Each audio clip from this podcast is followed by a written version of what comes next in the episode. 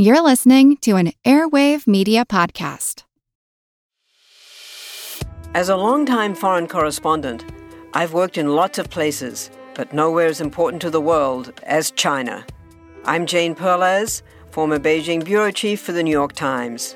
Join me on my new podcast, Face Off US versus China, where I'll take you behind the scenes in the tumultuous US China relationship. Find Face Off wherever you get your podcasts.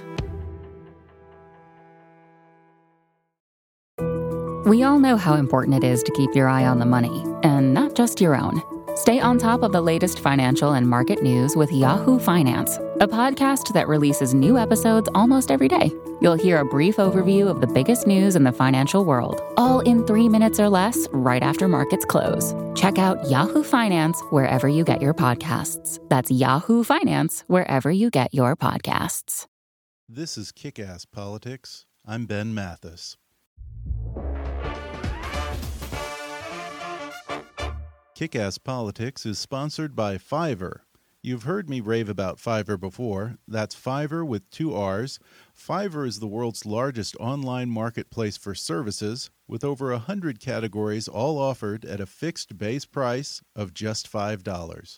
Logo design, business consulting, marketing, business cards and stationery, web design, translation, proofreading, legal consulting, and just about any other service you can imagine all offered at a fixed base price of just $5. You know the announcer who does our intro on Kick Ass Politics?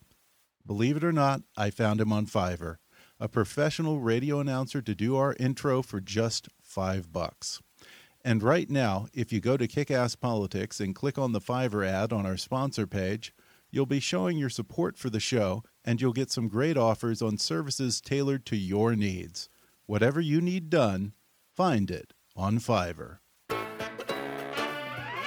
Hi there, I'm Ben Mathis, and welcome to Kick Ass Politics. This week, President Obama's nuclear deal with Iran is heading for a showdown in the Senate. And the man at the forefront of the fight to stop the Iran agreement is my guest today, Senator Lindsey Graham of South Carolina.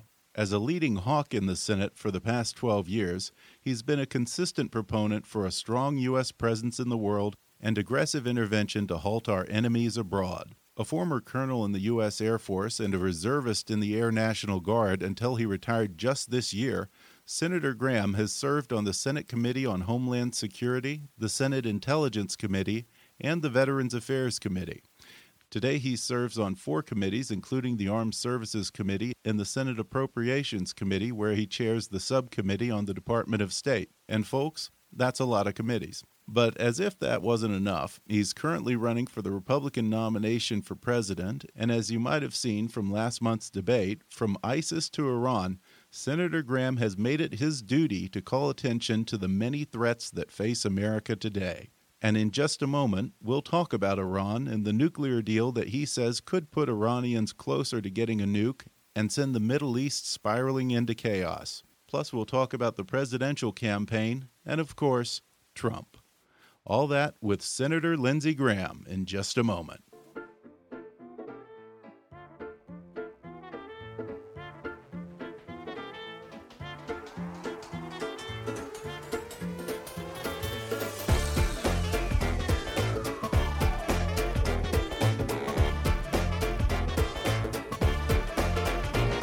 From Hollywood to Washington, it's time for Kick Ass Politics.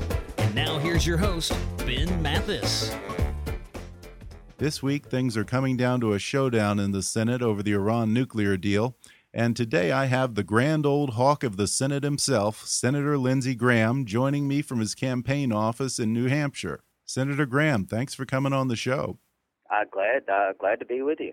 Happy holiday. Yeah, happy Labor Day. Well, Senator Graham, you've been the guy banging the drum against this Iran deal harder than anyone, probably, whether it's in the Senate, on the campaign trail, in the last Republican debate.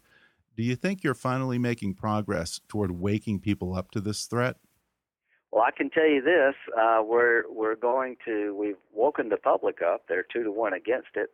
I don't know where the Democratic Party lands here, but we've gotten. I think we'll get 60 votes for cloture. Whether or not which means a final passage vote. Whether or not we can override the president's veto, I don't know, but I do know this. This is the worst miscalculation since Munich. Obama has separated Iran's behavior from their nuclear program. That was a huge mistake. The $100 billion they will get in sanctions relief is going into their war machine. They can buy more weapons, they can build a missile, and they got a pathway to a bomb in 15 years, whether they cheat or not. This is a terribly bad deal. Well, you know, unlike most of us, I, I imagine that you've gone over this deal with a fine tooth comb. And I remember for the longest time, the White House refused to really reveal the details of the Iran deal to the American public. And, you know, it was kind of like the deal with Obamacare. They kept saying, just sit tight. It's a really good deal. Just bear with us. Do we think we finally have a clear picture of what this deal is going to be? Or do you think that there's still some more surprises to come? Yeah, I think there are more surprises to come. Number one, there's three things we wanted to do dismantle their nuclear program. Well, we haven't dismantled it, we've locked it in place. Industrial size enrichment program. With the passage of 15 years, they can enrich and reprocess uh, without limitation. Uh, the second thing was to basically find out with certainty how far they've gone down the road of developing a nuclear weapon. This side deal between the International Atomic Energy Association and Iran about inspecting Iranian military facilities is a joke. It's a secret deal between Iran, the IAEA, that the Congress can't look at. We know that in Parchin, the military base in Parchin that the Iranians have, they were testing nuclear detonators. So this whole idea of voting on this deal until you can see the side deal where the Iranians apparently get to inspect themselves just as mind boggling. I can't imagine anybody voting on a deal where they don't know the entire deal. Well, I'll tell you, Senator, uh, when I look at the Iran deal and the Cuba deal, among others, I'm confused by this president's strategy, or perhaps lack of strategy. I don't know. It, it seems to me that we gave away everything and got nothing. Is it as simple as this president's just a woefully inept negotiator, or is there something that he thinks he's getting out of this that I don't understand? Well, I, you know, I think one, he's woefully inept negotiator. Guy's probably never bought a car. The the the, the biggest problem he's made is not looking at the Iranians' disruption of the Mid East support for ter- terrorism as if that doesn't exist, and just focusing on the nuclear program. What do we get out of this? All I can tell you is that the largest state sponsor of terrorism, Iran, comes out of this richer. The people who want to get rid of the Ayatollah are weaker inside of Iran. They've disrupted and taken over four Arab capitals during the negotiations. They keep chanting death to America, death to Israel. They get to inspect themselves. They can buy weapons, more weapons after five years, start building an ICBM missile after eight.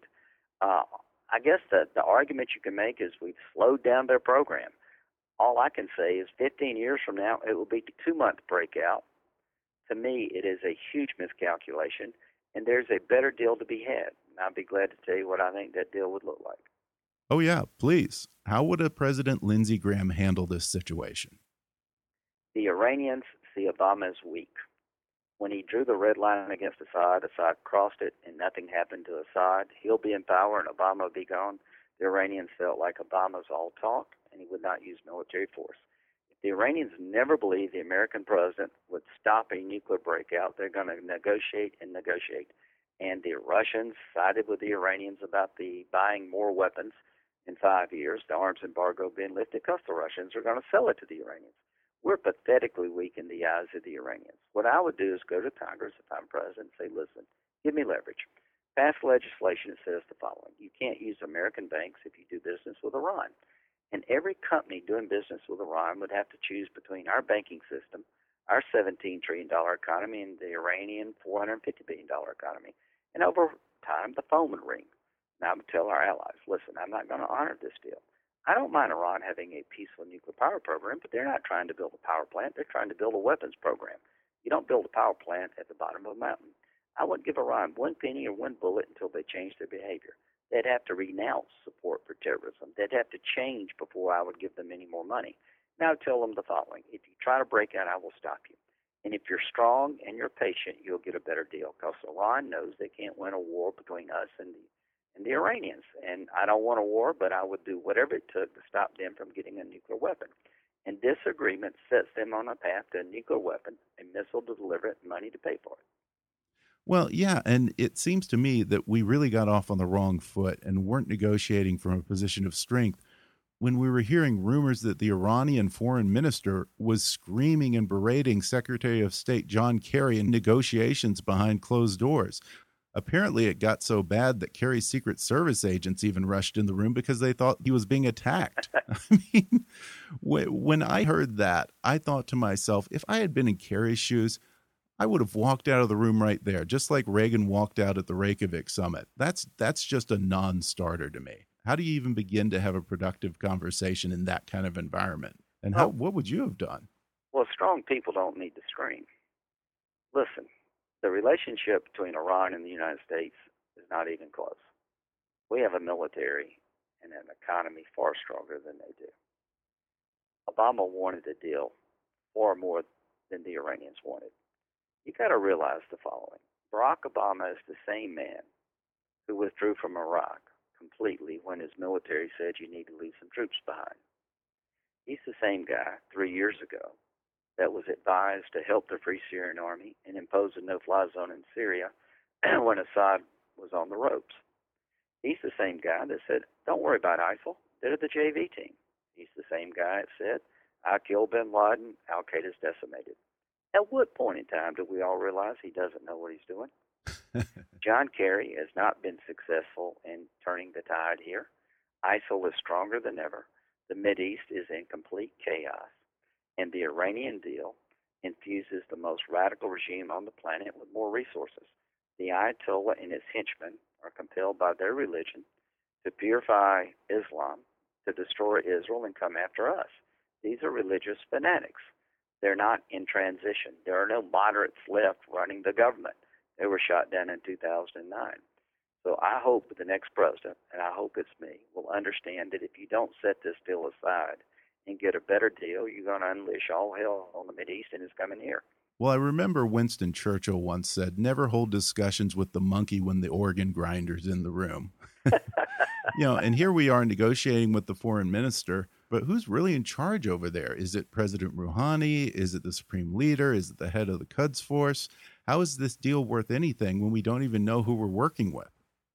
Well, uh, here's a tip: they call you supreme leader for a reason. because you are. This is a religious theocracy. It's not a democracy. It's not a collaborative process. There's a group, the Council of Elders, who are in charge of picking the next Ayatollah. It's like 70 people. So, to those who believe that Iran is in the process of becoming more moderate, look what Iran's done in the last two years to the Middle East in general. This idea of a moderate versus hardline schism is a complete misunderstanding of Iran the guy in charge of the Council of Elders is to the right of this Ayatollah. So over the next 15 years, there will be change in Iran, and it'll be all for the worse. To believe that somehow this regime is going to change if you give it more money and more weapons is really naive. You're locking into place this regime for a long time. You're undercutting the people inside of Iran who won't change. You're putting every, every Arab neighbor at risk. They have blood on their hands from killing Americans in Iraq. They're the largest state sponsor of terrorism. You might as well have written a check to Hamas, Hezbollah, and Assad. I just cannot tell you in the strongest words possible how bad this deal is for the region, for Israel, and for us. Well, we're going to take a quick break, and then when we come back, we'll talk some more about the Iran deal, the presidential campaign, and I might even sneak in a couple questions about Donald Trump with Senator Lindsey Graham of South Carolina.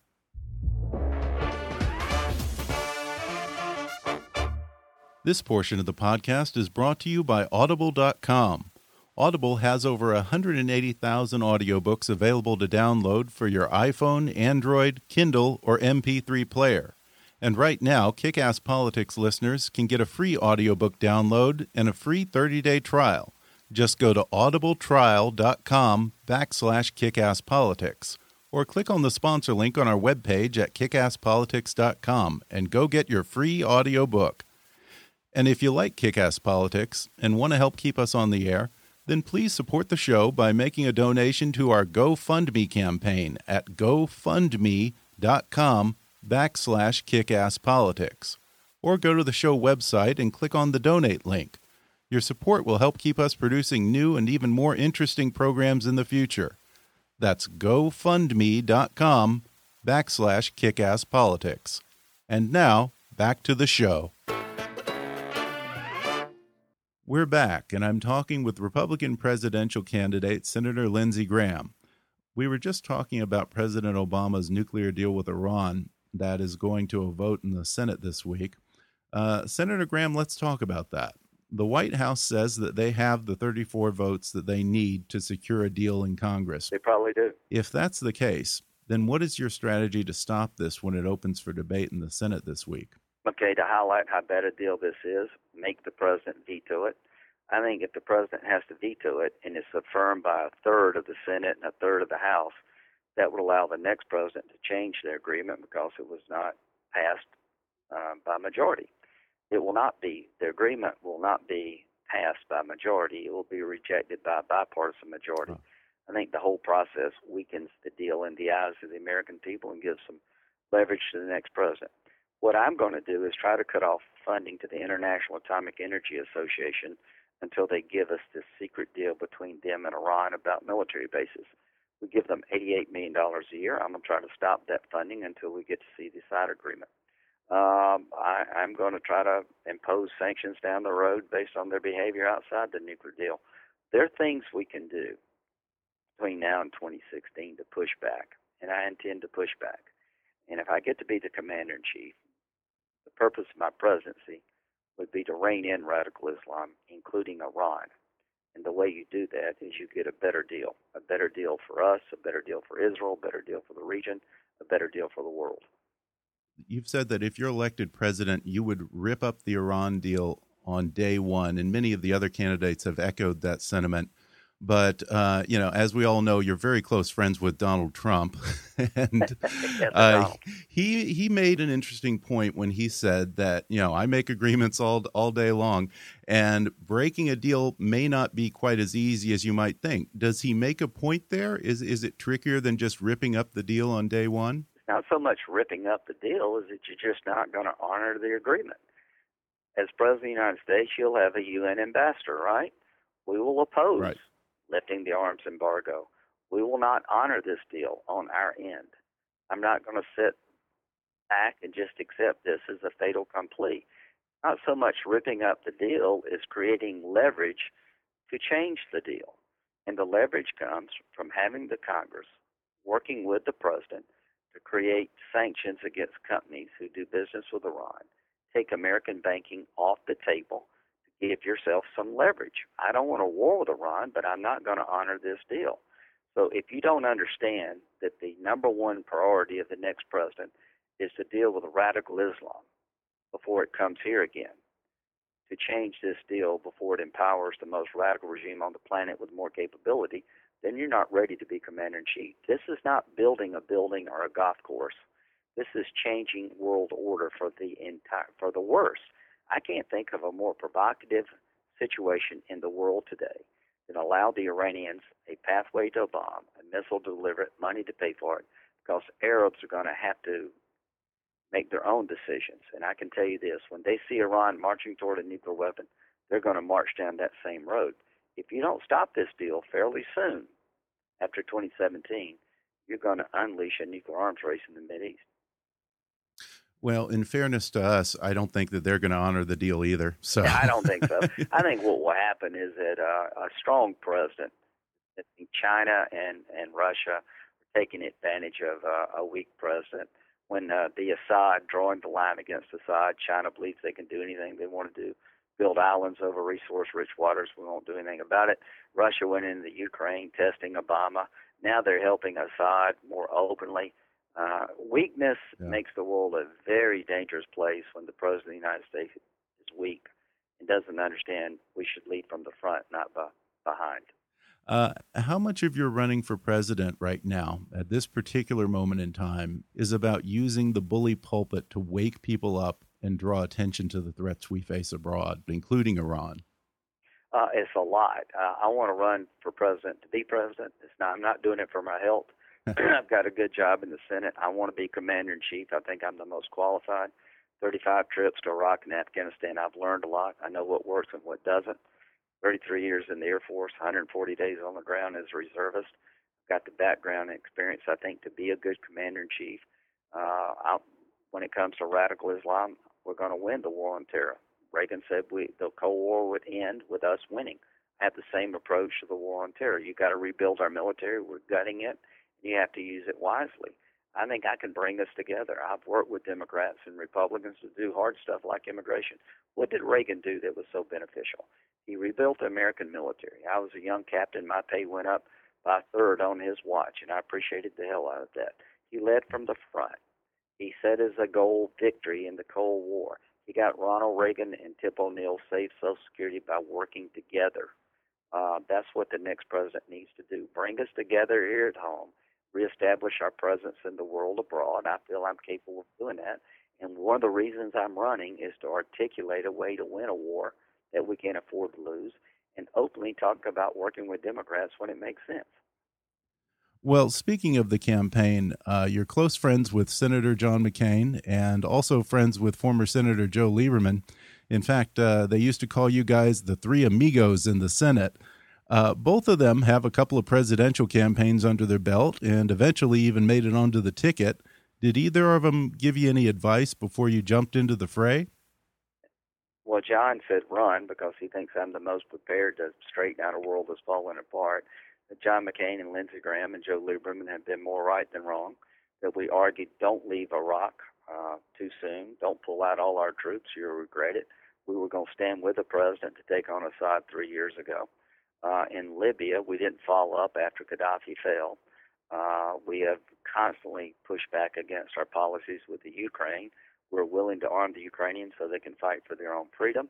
Uh, so at the end of the day, they gave me the best advice of all just be yourself. And I intend to. I don't have anything to fear. I am comfortable with me and my politics. I feel like I'm very prepared.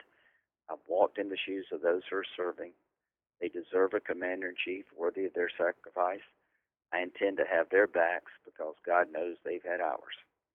And, Senator, you've been in politics for over 20 years now, but this is your first presidential run. Has anything surprised you about the campaign? Yeah. Uh, how we can be this far along and talk gibberish. it seems to be, you know, uh, the lack of a substantive debate you know, I, I want to secure our border, but you're not going to deport 11 million people, including their legal children. You're not going to destroy ISIL by taking Iran, uh, excuse me, Iraq and Syrian oil and using it for our benefit. There has been no plan articulated on our side, much different than that of Obama. And so I'm just going to be patient. I'm going to every nook and cranny of New Hampshire. I'm going to be with John McCain, and I'm going to make the case that I'm best prepared to destroy ISIL, and what we're doing is not working, and we better destroy ISIL or they're coming here. So what's been surprising is so many people and so little real substantive talk about solutions to hard problems that makes sense. But I think that's going to change. Yeah, well, I mean, do you think that knowing who Qasem Soleimani is should be a requirement to be commander in chief? I think this: if you don't know who he is and what he's up to, then you really don't understand the challenges you're facing as the next president. I have learned the hard way. I have spent time on the ground. I haven't been buying golf courses or building buildings or being governor. I have been a very involved national security leader by learning from what works and what doesn't. I know the region, but most importantly, they know me. And Soleimani has American blood on his hands. He is uh, orchestrating uh, the demise of the region, and somebody needs to stand up to him and the Ayatollah. Pick me. I'll do both. Well, I know you have to get to a campaign event, so I'll let you go. But one final question Have you given Donald Trump your new phone number yet? The first kick of a mule is usually enough to educate a person. No, I haven't given Donald my number, and I wouldn't advise you do it do so either. All right. Well, Senator Graham, I really hope that uh, a few of your fellow senators have a come to Jesus moment on this Iran deal before it comes to a vote. And thank you again for coming on the show to talk about it. God bless. Take care. All right. Good luck with the campaign. Well, that's the show, folks. Thanks once again to Senator Lindsey Graham for coming on the podcast today. If you enjoyed this episode, then be sure to subscribe to Kick Ass Politics on iTunes and leave us a review. And if you really like the show, then support Kickass Politics by making a donation on the website or go to gofundme.com backslash kickasspolitics. Because starting this week, I'll be putting out two podcasts every week, but that also means double the expenses every week. So if you want to help us produce more episodes of Kick Ass Politics, then please donate on the website or go to gofundme.com backslash kickasspolitics. You can keep up with the show on our Facebook page or follow us on Twitter at, at KAPolitics. And as always, I welcome your comments, questions, gripes, and suggestions at comments at kickasspolitics.com. In the next episode, I'll talk with the modern day monuments men who are risking their lives to protect priceless artifacts and World Heritage sites from the destructive path of ISIS. So be sure to tune in then. But for now, I'm Ben Mathis, and thanks for listening to Kick Ass Politics.